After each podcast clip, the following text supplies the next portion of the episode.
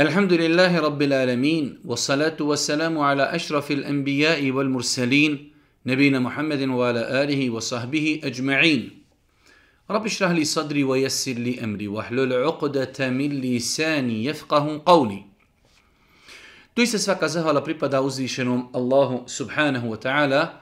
Salat mir i selam na Allahog poslanika, Allahog minjenika Muhammeda, alaihi salatu wassalam, njegovu časnu porodcu, uzorte ashabe, i sve ljude koji slijedi put istini do sudnjega dana. Uvažam vraću i poštovani sestre, uvaženi gledatelji, evo nas u još jednoj emisiji u kojoj se družimo sa vašim pitanjima i vašim dilemama. Ako smo dobro brojali, ovo je naša 77. emisija. Prvo pitanje večeras e, obraćam vam se vezano za jednu bračnu stvar zbog koje sam u nedoumici. Naime, radi se o intimnim odnosima supružnika. Negdje sam pročitala da dok su supružnici u šerijetskom braku ne smije proći više od tri mjeseca, to jest više od tri hajza da nisu bili u intimi. Da li je ta konstatacija tačna ili ne? Znači, pitanje je da li supružnici, ako su u braku minimalno u tri mjeseca, moraju da imaju e, intimni kontakt. E, ova konstatacija generalno gledajući nije tačna ne postoji nešto što obavezuje supružnike na intimu. Pa čovjek može otputovati, biti godinu i pol, dvije, negdje na putu, otišao je, e, raditi u inostranstvo i tako dalje, i da nema znači, intimnog kontakta između supružnika i da je njihov brak validan. Tako da, s aspekta da li islam obavezuje na intimu, ne. Ali postoji jedno drugo pitanje, to je, možda je to osoba čula pa su se pitanja pomiješala, a to je da kada ljudi živi normalan život, dio učenjaka je smatrao e, da e, čovjek, muškarac, jednom u četiri mjeseca e, mu je obaveza da ima intimni kontakt sa suprugom u smislu da zadovolji njene potrebe. U tom kontekstu, iako ispravno mišljenje, kada je u pitanju intima među supružnicima, da je čovjeku obaveza da ispuni ženine intimne potrebe shodno njenoj znači želji i njegove mogućnosti. Pa to može biti e, svako sedam dana, svako deset dana, svako mjesec i tako dalje. Ali da islam obavezuje supružnike ne, to je stvar koja se vraća, vraća njima i njihovoj želji i njihovoj potrebi, ali ima nešto drugo što smo kazali da znači e, islamski učenjaci su govorili o periodu kada je mužu obaveza i koji je to neki minimum koliko on treba da e, ajde da kažemo, e, ispuni svoje obaveze prema intimi svoje supruge, pa su neki to pokušali ograničiti e, mjesecima ili nekim drugim e, znači ograničenjima, dok je ispravno da je to obaveza shodno ženinoj potrebi i njegovog, njegovoj mogućnosti. Drugo pitanje, jedno malo duže pitanje koje na kraju se rezimira, da li osoba koja hoće da s nekim čovjekom klanja u džematu, pa započne namaz sam. Znači dvojica ljudi hoće da klanjaju u džematu. Jedan ide abdestiti, ovaj počinje klanjati, on još nije došao, pa mu se on priključi u džematu. Da li oni imaju nagradu džemata? Duboko se nadamo da imaju nagradu džemata. Znači ovo je situacija kada muktedija, čovjek koji klanja sam, iz stanja klanjanja pojedinačno prelazi u stanje džemata, on postaje imam, samim tim ako Bog da, nadamo se da oni imaju nagradu džemata bez obzira što nisu zajedno počeli. To je problem. Znači oni da zajedno klanjaju, počeli su od početka obojica, Inšala imaju nagradu džemata. Već ovdje je pitanje zato što nisu obojica počeli. Jedan je počeo, nakon određenog vremena priključio mu se drugi, ali znači stvarnost je da su njih dvojica klanjali u džematu i nadamo se da imaju nagradu namaza klanjanog u džematu. Pitanje broj tri. E, jedno pitanje malo duže gdje jedna naša sestra kaže rodila je blizance i jedno od ta dva blizanca je umrlo. E, svakako što je i normalno i e, zaočekivati, ženo je zadesila velika tuga, pa ona pita da li je ženama dozvoljeno da idu sa svojim čovjekom da posjeti mezar tog umrlog djeteta. Dozvoljeno je, nema smetnji, znači postoji razilaženje kod islamskog učenjaka, ali inšala biznila na osnovu e, e, jasnih i vjerodostojnih argumenata e, dozvoljeno je da žena ide s vremena na vrijeme, s vremena na vrijeme da žena ode i da posjeti mezarluke, da li svoga djeteta, da li svoga oca, da li svoje majke, da li svoga brata i tako dalje. Nima smetnje s tim da treba da pazi na ponašanje, da ne dozvoli e, da nariči, ne daj Bože, e, da je tuga i emocije toliko one savladaju da počne vrištati, krištati, čupati odjeću i tako dalje. Te stvari su zabranjene. Ali sama posjeta, da osoba ode, da uputi dovu za umrlog, e, da razmisli o dunjaluku, ahiretu i tako dalje. To su ako Bog da dopuštene i dozvoljene stvari. Četvrto pitanje, pitanje je, e, naime radi se o tome da smo muž i ja bavimo se e, informatikom u Beću. Nakon već duži, e, duži od godine neuspješno, neuspješne potražnje prakse, pružila nam se prilika da odradimo plaćenu praksu u jednoj od banaka.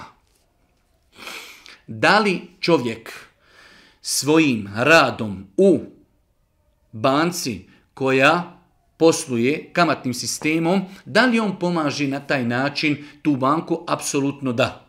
Apsolutno da, tako da Allah najbolje zna, Allah najbolje zna, e, vjernik ne bi trebao da bude sastavni dio kamatnog sistema. Čak su i stručnjaci kazali ne treba dati lokal u kojem će biti banka koja postoji s kamatom. Niti treba biti čistač, niti treba biti stražar, a kamoli raditi znači na određenim informatičkim sistemima, možda čovjek neće direktno tamo biti na šalteru, isplaćivati kamatu, uzimati kamatu, ali bilo koji vid, pa informatički vid je vid pomaganja svega toga, tako da vjernik ne bi trebao da to radi.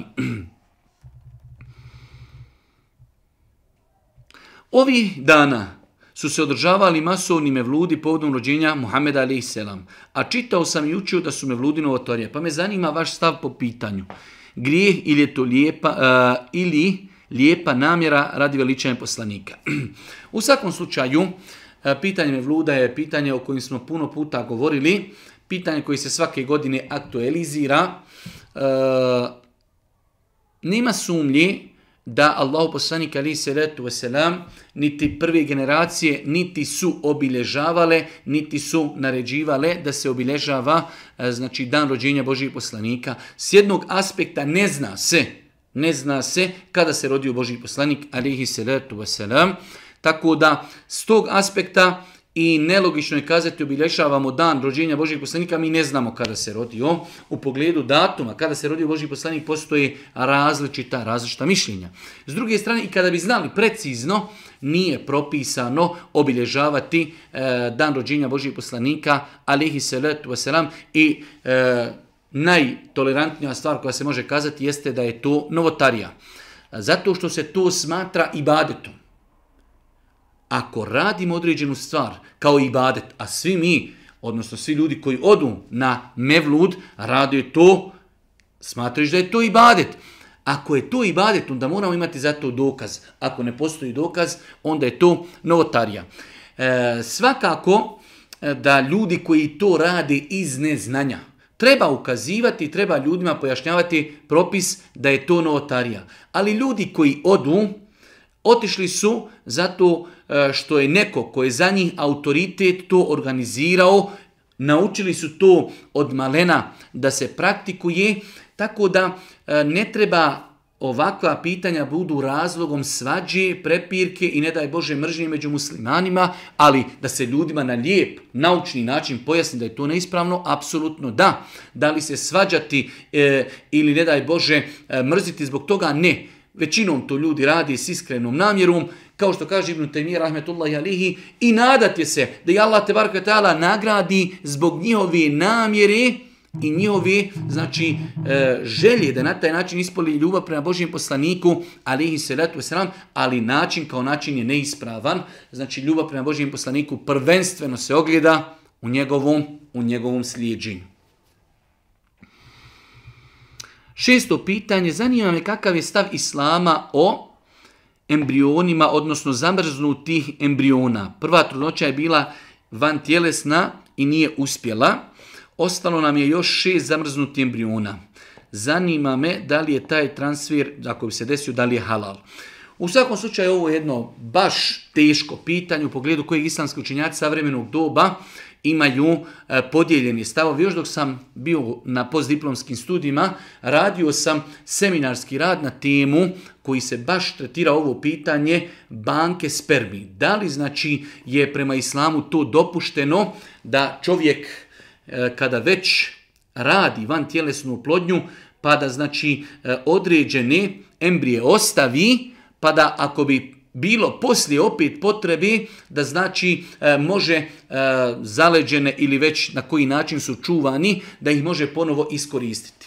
E, Allah ako već čovjek je to uradio i ako to već postoji i ovo je veoma bitna klauzula, ako je siguran, ako institucija s kojom je ozbiljna i siguran je da je to znači e, njegova sperma, da će ako dođe do e, ponovog znači van tjelesne oplodnje, da će biti oplodnja između njegove sperme i tečnost njegove supruge. Inšala bizdinla, nadamo se, inšala se nadamo da je to ispravno i da čovjek na taj način nije griješan. Iako je bilo učenjaka savjenog doba koji su smatrali da čovjek kada e, pristupi pristupi tjelesnoj oplodnji, znači iskoristit će spermu za jednu oplodnju, ostali dio znači će uništiti, ostali dio će uništiti, ali ako već postoji, ako već postoji i ako je čovjek ubijeđen i siguran i vjeruje instituciji koja to radi, da je to znači e, njegova tečnost, njegova sperma, nadamo se inša Allah, da je to dozvoljeno.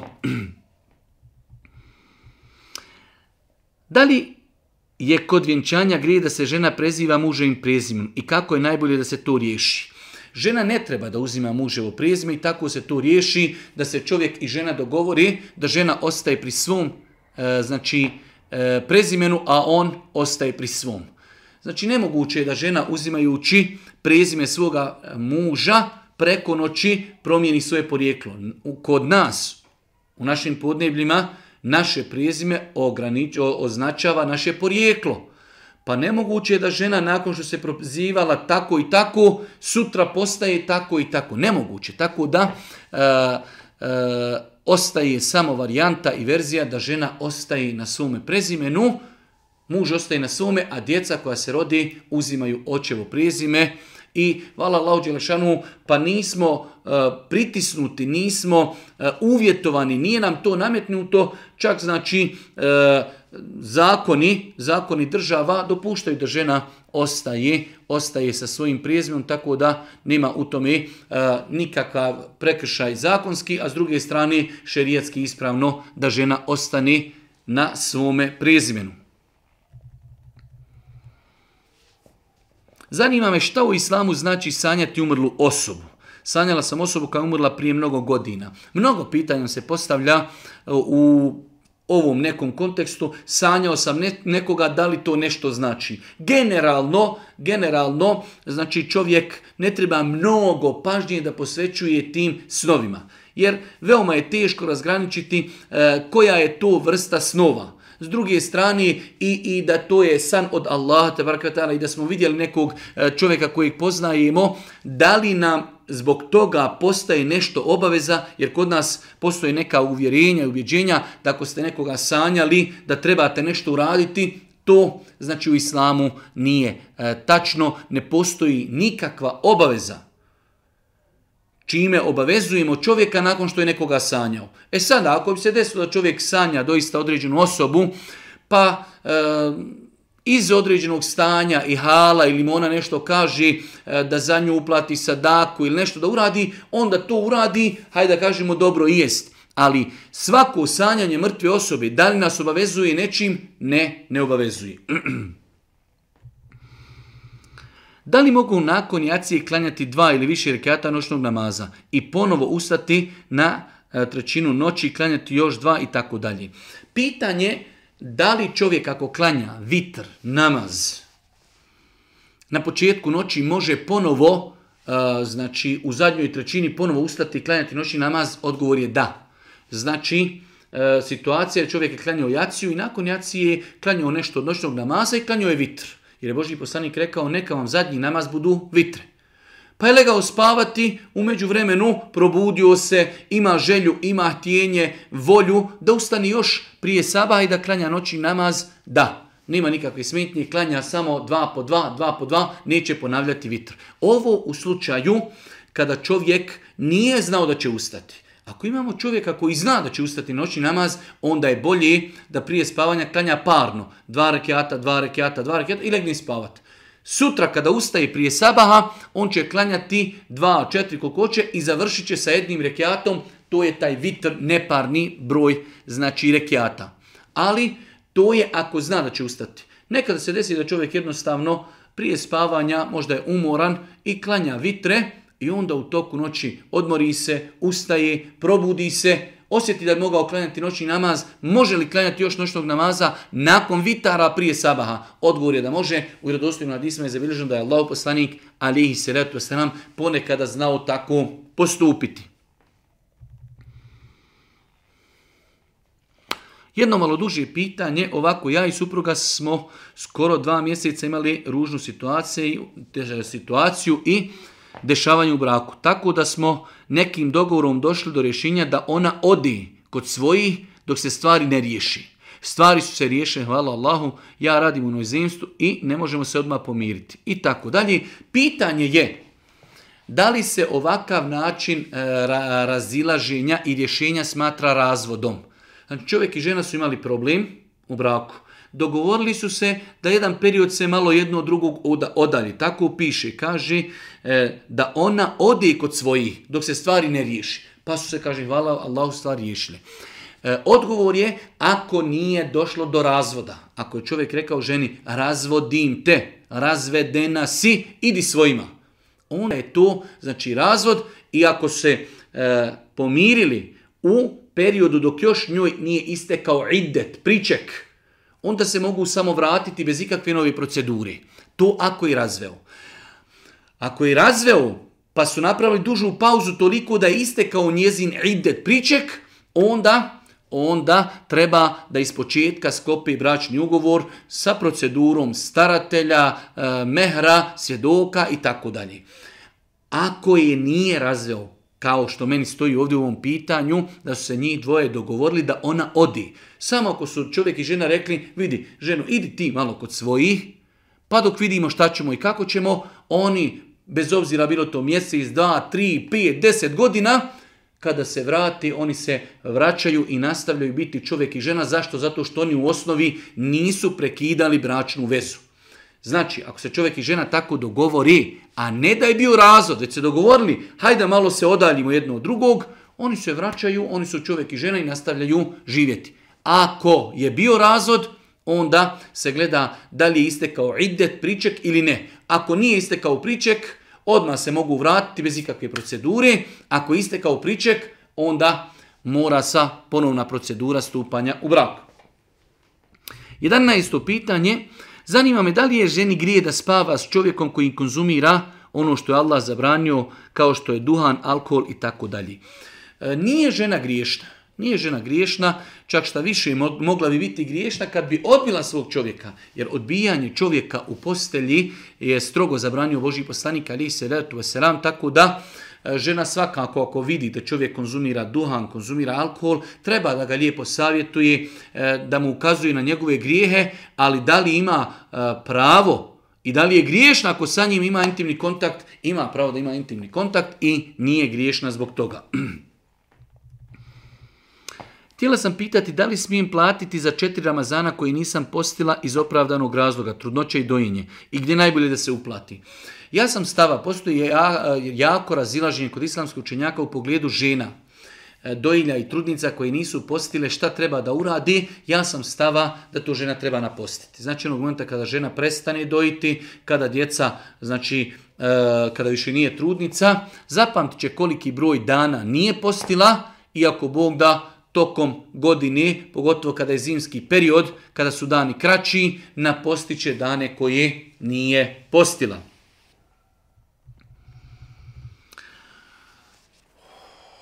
U želji da saznam više o Allahu vjeri i poslaniku, naišao sam na tekst o Abdullahu ibn Sa'du ibn Sarhu. On je prema nekim kršćanskim predajima dok je pisao riječi koje mu je diktirao Muhammed, prema vlastitom nahođenju mijenjao i dodavao riječi u ajetima, a poslanik se navodno s tim slagao. To je jedan od, argumenta argumenata koji e, nevjernika, kod nevjernika, koji pobijaju činjenicu da je Kur'an Allahov govor. Možete li, e, možete li mi, molim vas, nešto više kazati od Abdullahu ibn Sa'du ibn Sarhu i, i tako dalje. Znači, pitanje da je naš brat u želji da izučava vjeru, naišao na jednu, e, to se zove u arapskom šubha, a znači nejasnoća koju iznose nevjernici, nemuslimani, želeći kao da dokažu da je Kur'an e, nije autentičan, da je izmijenjen, pa su se uvatili čvrsto jedne predaje koja se vezuje za ovoga spomenutoga sahaba koji se zove Abdullah ibn Sa'd Esarh. E, pa ovaj naš brat pita za pojašnjenje svega toga. Prije toga treba upozoriti da ljudi koji su početnici u vjeri nikako, ali nikako, ne smiju sebi dozvoliti da čitaju e, internet stranice ili knjige ili postove ili tekstove koji, e, u kojima nevjernici iznosi svoje šubhe i nejasnoće o islamu, o Kur'anu, o poslaniku i tako dalje. Zato što oni, znači jednostavno imaju poseban pristup i treba imati kompetencije da čovjek zna odgovoriti na takva pitanja, takve nejasnoće. Ako insan početnik, to može da mu poljulja vjeru i poljulja mu iman, pa da počne sumnjati. Pa je prva stvar, Ko je početnik uvjeri, čita vjerovanju Allaha, vjerovanju u meleke, vjerovanje poslanike, vjerovanju u sudnji dan, vjerovanju u kader i tako dalje. E, čita knjige iz fika, čita knjige iz hadisa, čita knjige iz edeva i tako dalje. Ne ulazi u ta poglavlja. E, definitivno mi muslimani apsolutno vjerujemo i to je toliko jasno ko dan da je Kur'an autentičan sve i jedan harf i mi izazivamo kogod želi da izađe sa nama na bilo kakvu debatu, nek napiše članak, nek objavi videoklip, ali pod uvjetom ako pobijemo njegove nejasnoće da će javno primiti islam. Kogod želi na temu, e, znači tu, tu smo. Deve, znači 24 sata smo spremni na temu da li je Kur'an autentičan ili ne, da raspravljamo sa bilo kime. Ova predaja koja se spominje od ovoga sahaba, ovaj ashab imao je malo burnu prošlost. On je bio musliman, pa je se odmetnuo od islama, pa kada je Allah poslanik ali se letu vaselam e, eh, osvojio Meku, e, eh, dozvolio je Božji poslanik da se određeni ljudi zbog njihovih grešaka koji su pravili, da se ubiju. Eh, između njih je bio i ovaj Abdullah e, ibn Sad Sarh, pa je došao kod Božijeg poslanika ali se letu selam sa Osmanom radijallahu ta'ala i znači tražili su oprost za njega pa je poslanik ali se letu selam prihvatio njegovu pokajanje i njegovu beju, njegovu znači prisegu. I od tada je postao uzorit musliman čak do te mjeri da je bio na čelu vojske koja je oslobađala Afriku i na njegovim rukama i pod njegovim e, rukovodstvom osvojene su velike, velike teritorije. Znači bio je moralan, čestit, uzorit, vjernik sve do svoje smrti. To je jedna stvar. Druga stvar, u nekim knjigama e, koje govore o njegovoj biografiji, spominje se njegova izjava da kada je učinio to otpadništvo, znači on je bio musliman, pa se odmjetnu od vjeri da je otišao u Meku kurejišema i rekao je E, meni Muhammed nešto izdiktira, pa on kaže određeno ime e, uzvišenog Allaha, a ja napišem drugačije, pa mi je kao poslanik rekao, nema veze, sve to isto. I znači ti nevjernici su se uhvatili ti njegove izjave koja nema lanca prenosilaca. Kod nas generalno u islamu, ako hoćemo dokazati da je nešto tačno, moramo tu predaju dosegnuti do čovjeka. Normalno to kršćanima ne znači ništa, u njih je sve bez lanca prenosilaca, u njih je Biblija bez lanca prenosilaca i da ne govorimo dalje. Kod nas muslimana ne. Ova predaja, znači u kojoj stoji da je Abdullah e, ibn Sad Sarh kazao ovo, prva stvar nije zabilježena autentičnim lancem prenosilaca. Kao takva ne može se uzimati za dokaz ni, ni zašto. Druga stvar, on je to rekao u vrijeme kada je bio otpadnik od vjeri. Ko nam može garantirati da je on tada istinu govorio? Treći, kada bi rekli da je to bila istina, znači može se njegova shvatiti e, poruka da je u određenim pismima koje je Boži poslanik pisao kraljevima kada bi završavao određene znači e, pisma, pa kada bi citirao neka imena uzvišenog Allaha, a ovaj ashab Abdullah ibn Sad Sarh bi predložio, kaže, može li neko drugo? Kaže, može sve to isto. To može ako se pišu pisma, ali mi znamo koliko Islam, koliko uzvišeni Allah subhanahu e, kritizirao Božijeg poslanika da kaže ako bi iznio na nas bilo kakvu neistinu, mi bi ga ščupali. Tako da, znači, ne postoji nikakva šansa da je znači jedan harf Kur'ana izmijenjen i mi muslimani u to čvrsto vjerujemo, nevjernici ne žele da se pomire sa takvom činjenicom,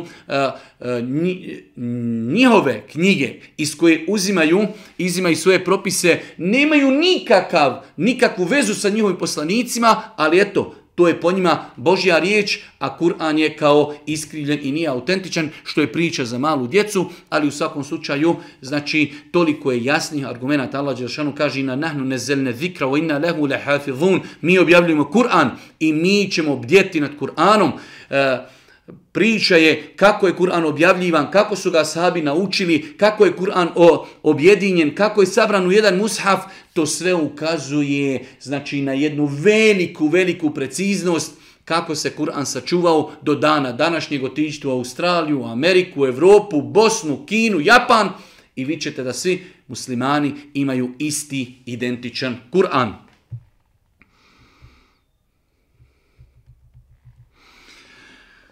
Moja čirka iz prvog braka je pokrivena, ima 12 godina. Da li je mahrem moj svekr od drugog muža? Da li je njoj mahrem? Znači žena, vidite malo teška situacija, žena se udala i ima dijete. Nakon toga se razvede. Uda se za drugog čovjeka. Samim tim kada ona ima prvi put intimni kontakt sa čovjekom, taj čovjek postaje njoj mahrem. To je njenoj čirci. Znači, žena koja ima dijete iz prvog braka, kada se uda za drugog čovjeka, razvede se od prvog uda se za drugog čovjeka, ako ima sa tim čovjekom, ovo je klauzula, uvjet, ako sa njim ima intimni kontakt, taj čovjek počinje, postaje trajni mahrem tu njenoj čirci i ne može sa njom nikada stupiti više u brak. Ali se to odnosi samo na njega. Njegova djeca iz nekog drugog braka nisu njoj mahremi. Isto tako, njegov otac nije toj djevojčici od njegove supruge mahrem. Još jednom ćemo ponoviti, možda je malo komplicirano, žena ima dijete iz prvog braka. Udala se za čovjeka, e sada, da li otac od tog njenog drugog čovjeka je mahrem njenoj djevojčici iz prvog braka? Pa mi počinjemo redom, njen muž, ako prespava, ima intimni kontakt sa tom ženom, postaje trajni mahrem njenoj čerci. To se u arapskom zove rabiba. Ali njegov otac nema nikakve veze sa tom čirku. Njegov sin nema nikakve veze sa tom čerkom, tako da odgovor je da znači otac od čovjeka nije mahrem djevojčici od ženi ako ona tu djevojčicu je dovela iz prvog braka.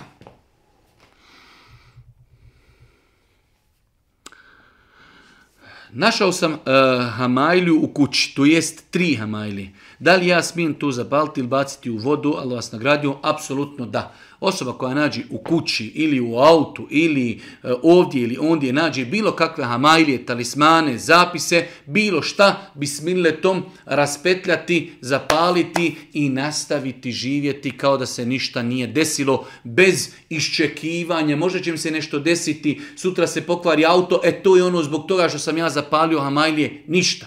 Čovjek ako nađi hamajlju, nađi zapis, talisman, bilo šta, raspetljaće, zapalit će i nastaviti živjeti normalnim životom kao da se ništa nije desilo. Jedno kratko pitanje. Naime, u ponedjeljak inšala idem za, iz Sarajeva za Mostar, a trebam krenuti od kuće u 5 sati, a zora nastupa u 5.20. Da li mogu krenuti saba prije zori?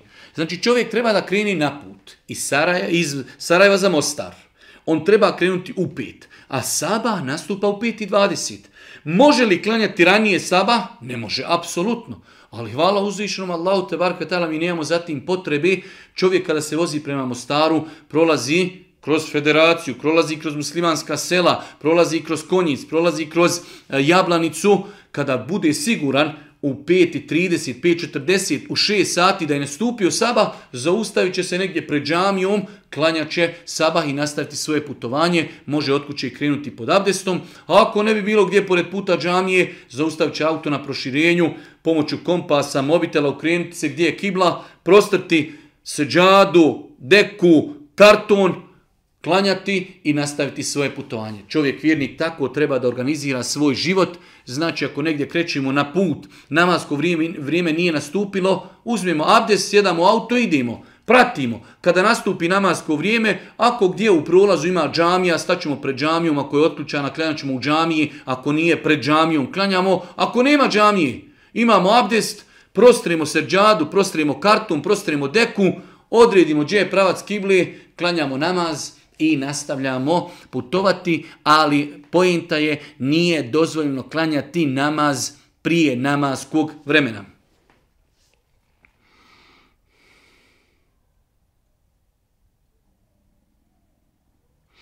Jedno malo duže pitanje, e, osoba je bila u braku, razvela je se, nakon toga se udaje, ali ima djecu iz prvog braka. Pa ona kaže u pola pitanja, jer živimo u inostranstvu i bili smo kod jednog imama, rekao je da djeca nakon udaje majke, ako dođe do toga da djeca odmah prelazi kod majke od muža, da ih ona odgaje. Je li to tačno?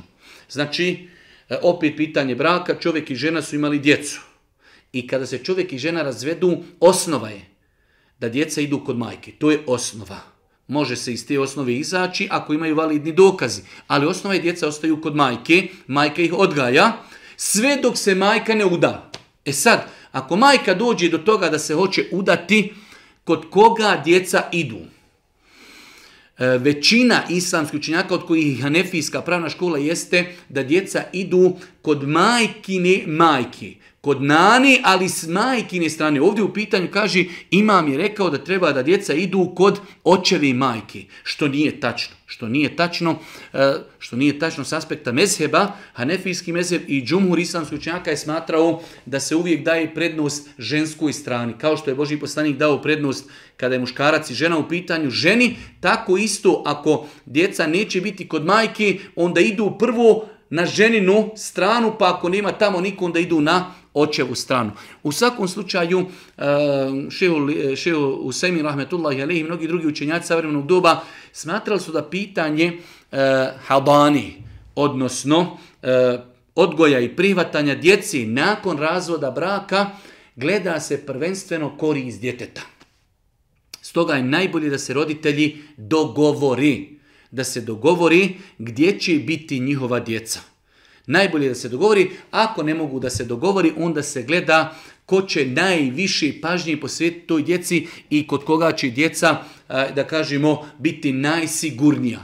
Nekada islamski učenjaci jesu pokušali, stavili su taj neki raspored, ako nema toga ići kod toga, ako nema toga ići kod toga, ali to je samo teorija, ali možda ako je na prvom mjestu, primjera radi, majka od na s majčini strani, možda ta žena stara ili ne može, ili je bolesna, ili žena ne vjeruje u Boga, žena se drogira. Hoćemo takvoj ženi reći, evo ti uzmi u djecu. Apsolutno ne.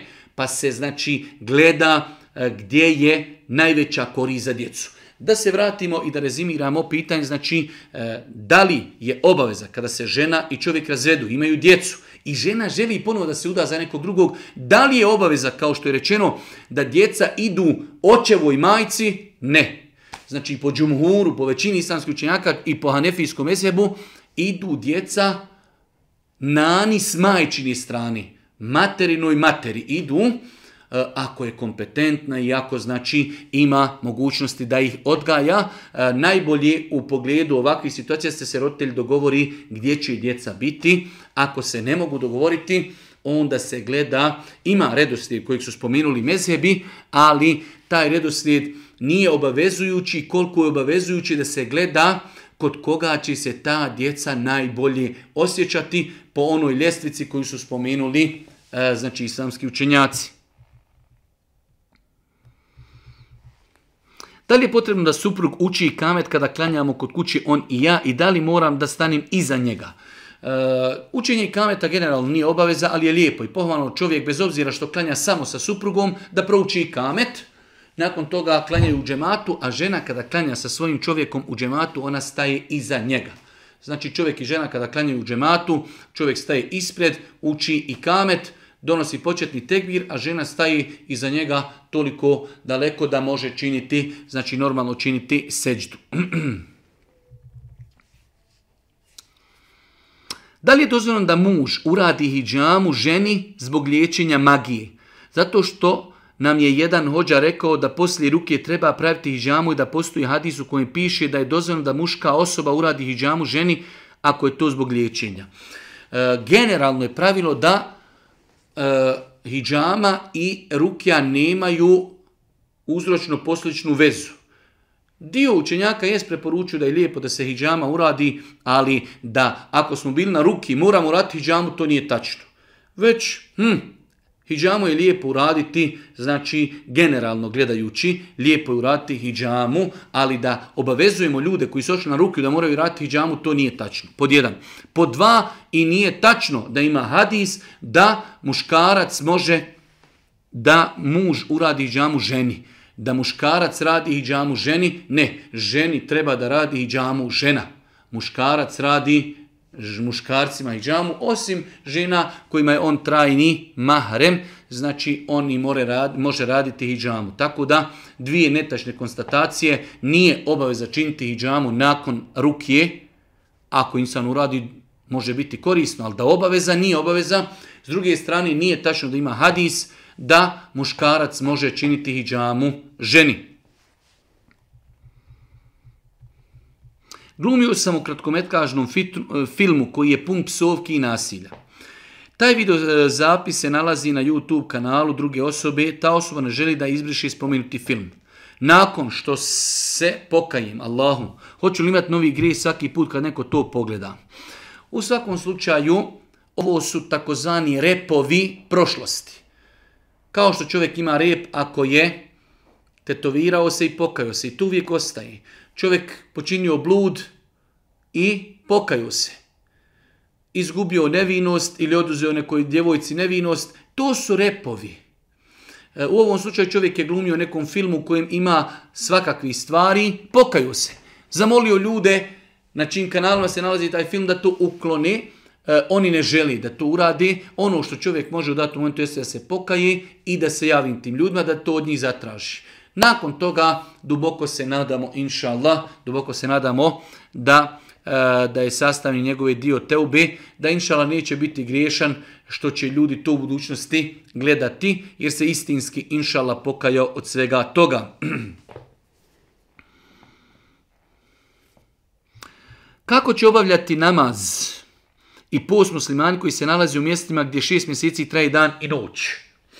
Imamo znači e, područja, gradove, države gdje dan traje šest mjeseci, noć traje šest mjeseci, kako u takvim situacijama klanjati i kako postiti. E, znači, generalno gledajući, islamski činjaci su kazali da mjesta i države gdje ima zalazak sunca i izlazak sunca, pa makar dan trajao kratko ili noć trajala kratko, tu mora da postoji namaska vremena i po danu se posti, na večer znači e, se e, ne posti. To znači u državama gdje imamo zalazak sunca i izlazak sunca, gdje imamo dan i noć, bez obzira je dan kratak ili noć kratka, ali ako imamo dan i noć, onda namaska vremena, post, se vezuju za dan i znači tako se praktikuje. Imamo situacije gdje imamo mjesta gdje dan traje 3, 4, 5, 6 mjeseci i tako dalje. U takvim situacijama e, velike institucije, pravne institucije savremenog doba su kazale da će se takvi ljudi e, povoditi i da će se organizirati shodno prvim najbližim mjestima gdje postoji zalazak i izlazak sunca znači najbliža država, najbliže mjesto gdje ima zalazak i izlazak sunca, oni će klanjati po njihovoj vaktiji. Neispravno je se vezivati za Meku i Medinu ili eventualno vezivati se za mjesto odakle si došao. Primjer radi, to se može desiti gore u nekim zemljama Skandinavije. Pa čovjek kaže ja sam iz Bosne, ja ću po bosanskoj vakti. Ovaj drugi iz Pakistan kaže ja ću po pakistanskoj, a Turčin kaže ja ću po turskoj. Što je najveći dokaz da je to neispravno. Niti se povodimo za Mekom Medinom, niti se povodimo za vaktijom zemlje iz kojih smo došli. Već se povodimo za najbližom državom u kojoj ima zalazak sunca i izlazak sunca i klanjat ćemo shodno njihovoj vaktiji. Po njihovoj vaktiji ćemo postiti, po njihovoj e, vaktiji ćemo iftariti. Pitanje kupovine na rate, imam opciju kupovine na rate, s tim da ću morati platiti 10% više u odnosu na plaćanje kešom. Da li je to kamata? Nije kamata kada bi gledali samo trgovinu. Ako nema sporednih faktora, kada bi ja Huso prodavao Hasi auto i kaže mu ovo auto je za keš 10.000 eura, a na rate 12.000. Šest rata po 2.000, to je u islamu dozvoljeno. E sada, u savremenom dobu tako se prodaju kuće, leasing, auta, to je nešto drugo. Ja govorim o propisu, znači samo da čovjek kupi nešto na rate sa povećanom cijenom. Da li je to dozvoljeno? Da. Leasing, banke, kuće, to je nešto drugo. Gdje treba dodatno da se analizira e, stanje situacije, ali kada u pitanju sam ovaj čin, on je u islamu dozvoljen. Znači dozvoljeno u islamu da čovjek proda čovjeku neku robu i mu, ako ćeš mi platiti u kešu, ona košta toliko. Ako je na rate, platit ćeš mi više. I oni to e, privati dogovori to je dozvoljeno. Ovo govorimo o direktnoj kupoprodaji između čovjeka i vlasnika. Nismo dali odgovor na leasing, nismo dali odgovor na kupovinu preko banaka i tako dalje. To su dosta puta imaju tu skriveni, znači mahane i skriveni načini e, kamati za razliku od ovog načina koji je dozvoljen da čovjek kupi nešto na rate sa povećanom cijenom.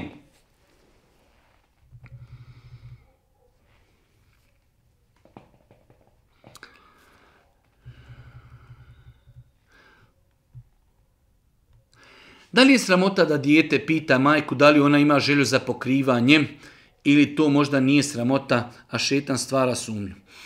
Generalno ne vidim u tome ništa loše da dijete na lijep način svoju majku upita e, jednostavno da li razmišljaš o mahrami e, i tako dalje, da li imaš u planu i ne vidim u tome e, da je to, hajde da kažemo, napad na, na čast svoje majke ili umalovažavanje ili uskraćivanje određenih prava, ako bi se to desilo na jedan lijep e, način, na lijep razgovor, da sin ili čerka upitaju svoju majku koja možda ne praktikuje određene e, pravila islama i propise, tako isto vezuje se i za namaz. Žena koja ne klanja da je njeno dijete, njena čerka, njen sin na lijep način, u lijepom ambijentu, majka razmišljaš da počneš u namazu, šta ima, jesi li čula predavanje, evo kuranski ajet, kad ćeš početi, ne vidim ništa loše u tome, čak šta više e, može to biti i vid obaveze djeci da postave pitanje, da posavjetuju, ne bili ti savjeti, kritike i pitanja urodila plodom. Esselamu alaikum, imam pitanje za vas. Da li je ispravno da učač ruke ima cijenu za učenje? Ja sam išla kod jednog učača, e, dva dana dvije ruke, kupila sam čurektovo ulje i njegova supruga mi je uradila hijjamu. Sve me to koštalo toliko i toliko. Da li je to ispravno? Imamo tri pitanja, znači e, jedna naša sestra je ošla kod učača ruke, on je učio ruke u dva dana, E, kupila je kod njega čurekutovo ulje i e, supruga od tog učača je njoj uradila hijjamu, nakon toga su joj kazali sve ovo košta toliko i toliko. Ona pita da li je to dozvoljeno. Prva stvar, e, kupiti ulje je dozvoljeno. Platiti da ti neko uradi hijjamu je dozvoljeno. Platiti učenje ruke je dozvoljeno. Kao što je dozvoljeno učaču ruke da naplati učenje ruke. Da, Jeste, kažu islamski učenjaci, ako ima mogućnost čovjek da to ne naplaćuje, da to radi u ime Allaha, definitivno da je to bolje, ali čovjek ima pravo da naplati kao što su naplatili ashabi za vrijeme Božijeg poslanika od iskojeg bilježi imam Buharija, da su naplatili učenje ruke, da su naplatili učenje ruke i da je to bilo jedno manje stado ovaca. Tako da, generalno gledajući, nema smetnje da učač E, naplati učenje ruke, nema smetnje da se prodaje čurektovo ulje i nema smetnje da se naplati hijama. E sad, šta može biti problem? Može biti problem da se to kaže naknadno. Treba osobi koja dolazi na urukiju da joj se kaže e, osobo, sestro, brate, treba da znaš tretman ruknje kod mene košta, ne znam, 20, 30, 50 maraka. Ako tjedni šulje ono košta toliko, ako tjedni hijamu, košta toliko. Hoćemo li učiti rukiju? Hoću, bujrum. I znači, dobro je da se te stvari definišu na početku. E, imaju dvije opcije isto. Može osoba da uvjetuje, ovo govorimo samo o ruki, ne govorimo o ulju niti o hijjami, učenje ruke može da uvjetuje ozdravljenjem. Pa čovjek koji je bolestan može da dođe u čaču ruke da kaže vidi, e, naplaćuješ li ruke naplaćuješ, kaže ja ću ti platiti pod uvjetom ako ozdravim. I ako privati učač ruke, onda ako ovaj ozdravi, neka mu plati koliko on postavi cijenu. Ako e, ne uvjetuje, onda ima pravo e, da mu naplati rukju. S druge strane, i učač ruke ima pravo da mu kaže ja ću učiti rukju i moje vrijeme košta toliko. Da li ćeš ozdraviti ili ne, ne znam. Znači, ako imamo uvjetovanje, onda radimo po uvjetovanju. Ako nema uvjetovanja, dozvoljeno učaču ruke da naplati rukiju, a bolje je, rekli smo, da ako insan može da uči fi se bili la. Svakako, ostaje onaj moment da naš narod dosta puta kad ode kod učača ruke, negoduje što mora nešto platiti, a kada odu ljudi kod e, sihribaza pa hamajlije, zapise plaćaju po 50 puta većoj cijeni, tada se niko ne buni sihribazima, ali kada dođe kod osobe koja ostavi sahat i po dva, uči, e, to ostavlja traga na njega psihički, ostavlja svoju suprugu, ostavlja svoje vrijeme, izlaže sebe E, pritisima džina i šetana i onda kad treba tom insanu platiti, e, onda se ljudi bune. Svakako ovo nikako ne znači e, zloupotreba bolesti tuđe, povećavanje znači i to naplaćivanje ruke treba da bude, hajde da kažemo, u granicama normali, u granicama vremena i prostora, u granicama prilike znači da to bude nešto što zaslužuje vrijeme koje on potrošio, a ne da to bude, ne daj Bože, zloupotrebljavanje.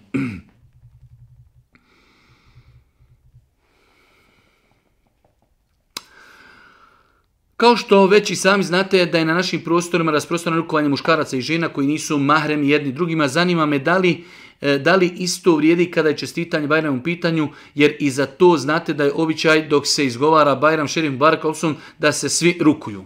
Propis je propis i nema izuzetka za Bajram. Znači muškarcu je zabranjeno da se rukuje sa ženom kojoj on nije mahrem i žena zabranjeno je da se rukuje sa muškarcem koji nije njoj mahrem. E, treba ljude podučavati, treba ljudima govoriti, treba ljudima kazivati da jednostavno Allah vas nagradio, došli ste u našu kuću, znači e, muškarci koji nisu mahremi, mojoj supruzi, mogu joj čestitati Bajram e, tekabbel Allah minna minkum Bajram šerif Mubarek Olsun, ali bez rukovanja. Ako ne počnemo pojašnjavati tim ljudima propise, nikada neće naučiti. Znači, propis je općeg karaktera, muškarcu nije da se rukuje sa ženom kojoj on nije mahrem. Ako nije mahrem, da li to bio Bajram ili neko drugo rukovanje, to nije dozvoljeno.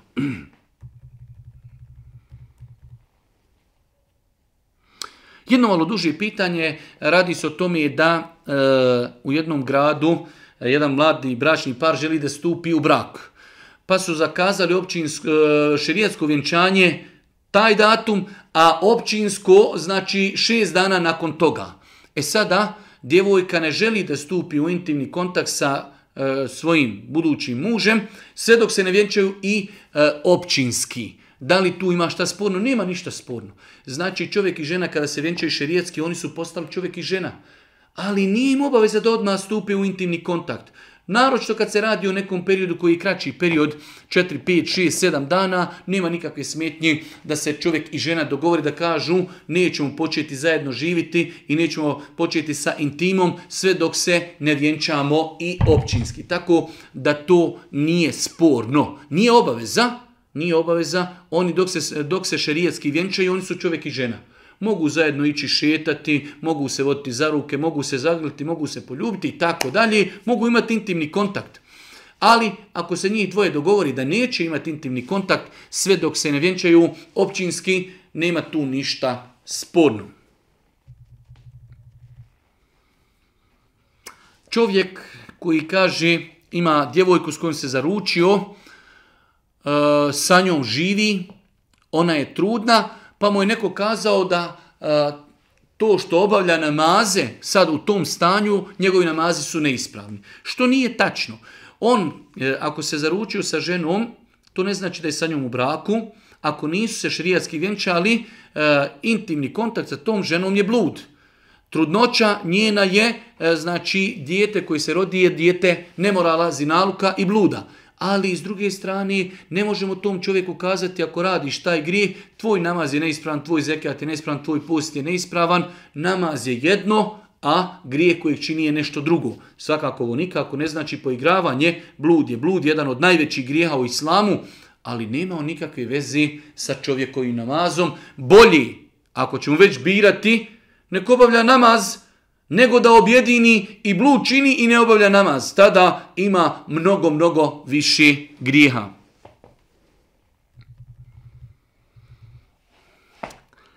Imam čisto problema sa vaginalnim vjetrovima. Kad nešto radim, kad se saginjem i tako dalje. To mi se dešava isto čisto i doklanjam, pa me zanima da li mi je ispravan namaz jer nikako ne mogu sačuvati e, vaginalni vjetar. U svakom slučaju, nekada davno kada smo mi govorili o ovakvim pitanjima, e, mediji su prenosili i oni zlonamjerni e, ljudi koji prate naš rad tražeći dlaku u jajetu, to su spomenuli kao neko bum, e, nepotrebno pitanje, a to pitanje je stvarnost, o tom pitanju su govorili mesevi prije 1200 godina, tako da mi se ne osvrćemo na te njihove reakcije, ali evo, E, znači imamo jednu ženu koja kaže da ima problema sa vaginalnim vjetrovima kada se znači saginje, kada ustaje, pa je pitanje e, koliko je validan e, namaz takve žene. Mi smo rekli da dva mjeseca su smatrala da znači puštanje vjetra vaginalnog vjetra kvari abdest. To je inšala tačno ispravno mišljenje. E sada ostaje, ostaje da ta žena može biti u jednoj od dvije situacije ili je osoba kojoj se to dešava periodično, ako može obaviti namaz u nekom periodu kada nema te nagone, ona će to i urati.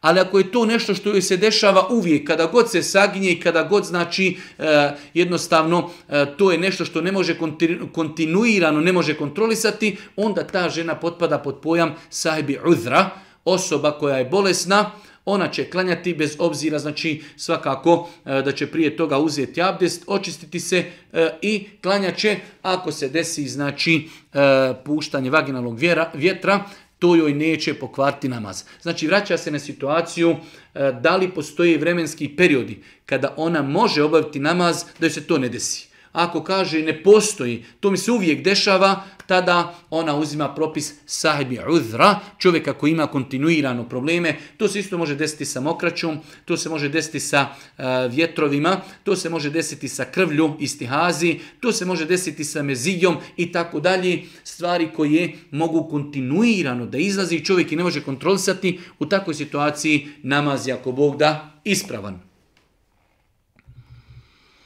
Da li je dozvoljeno učiti suru Jasin umrlom na mezaru? Sunnet je da čovjek kada prisustvuje ukopu, nakon ukopa uči dovu za čovjeka. Boži poslanik je rekao, molite Allaha da ga učvrsti, doista se sad on ispituje. Pa je sunnet, nažalost mi u većini slučajeva odstupimo od sunneta, a mjesto sunneta stavimo nešto što nema utemeljenja.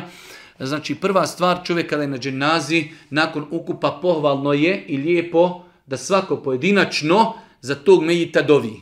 Čak se ne dovi zajedno, kao što se kod nas praktikuje, Boži poslanik nije dovio zajedničku dovu, već je svako da saba pojedinačno dovio. Druga stvar, učenje Kur'ana e, nije to bila praksa ni Božih poslanika, niti prvih generacija, tako da, m, mm, pogotovo nakon ukopa, ima dio e, učenjaka koji su smatrali u toku ukopa da ako bi se učio Kur'an, da bi to što kažu pod razno moglo i proći, a kod nas se to nikad ne radi. Kod nas se učenje Kur'ana odgađa za, poslije ukopa. E, najmanje što bi se moglo kazati e, za učenje Kur'ana nakon ukopa da je novotarija. Tako da e, osoba koja ima mogućnost treba da to izbjegne i da napiše u tu. kada me budu ukopavali prisutni nakon ukopa neka ne uči zajedničku dovu i neka ne uči Kur'an na kaburu, već znači svako pojedinačno će učiti dovu za mejita.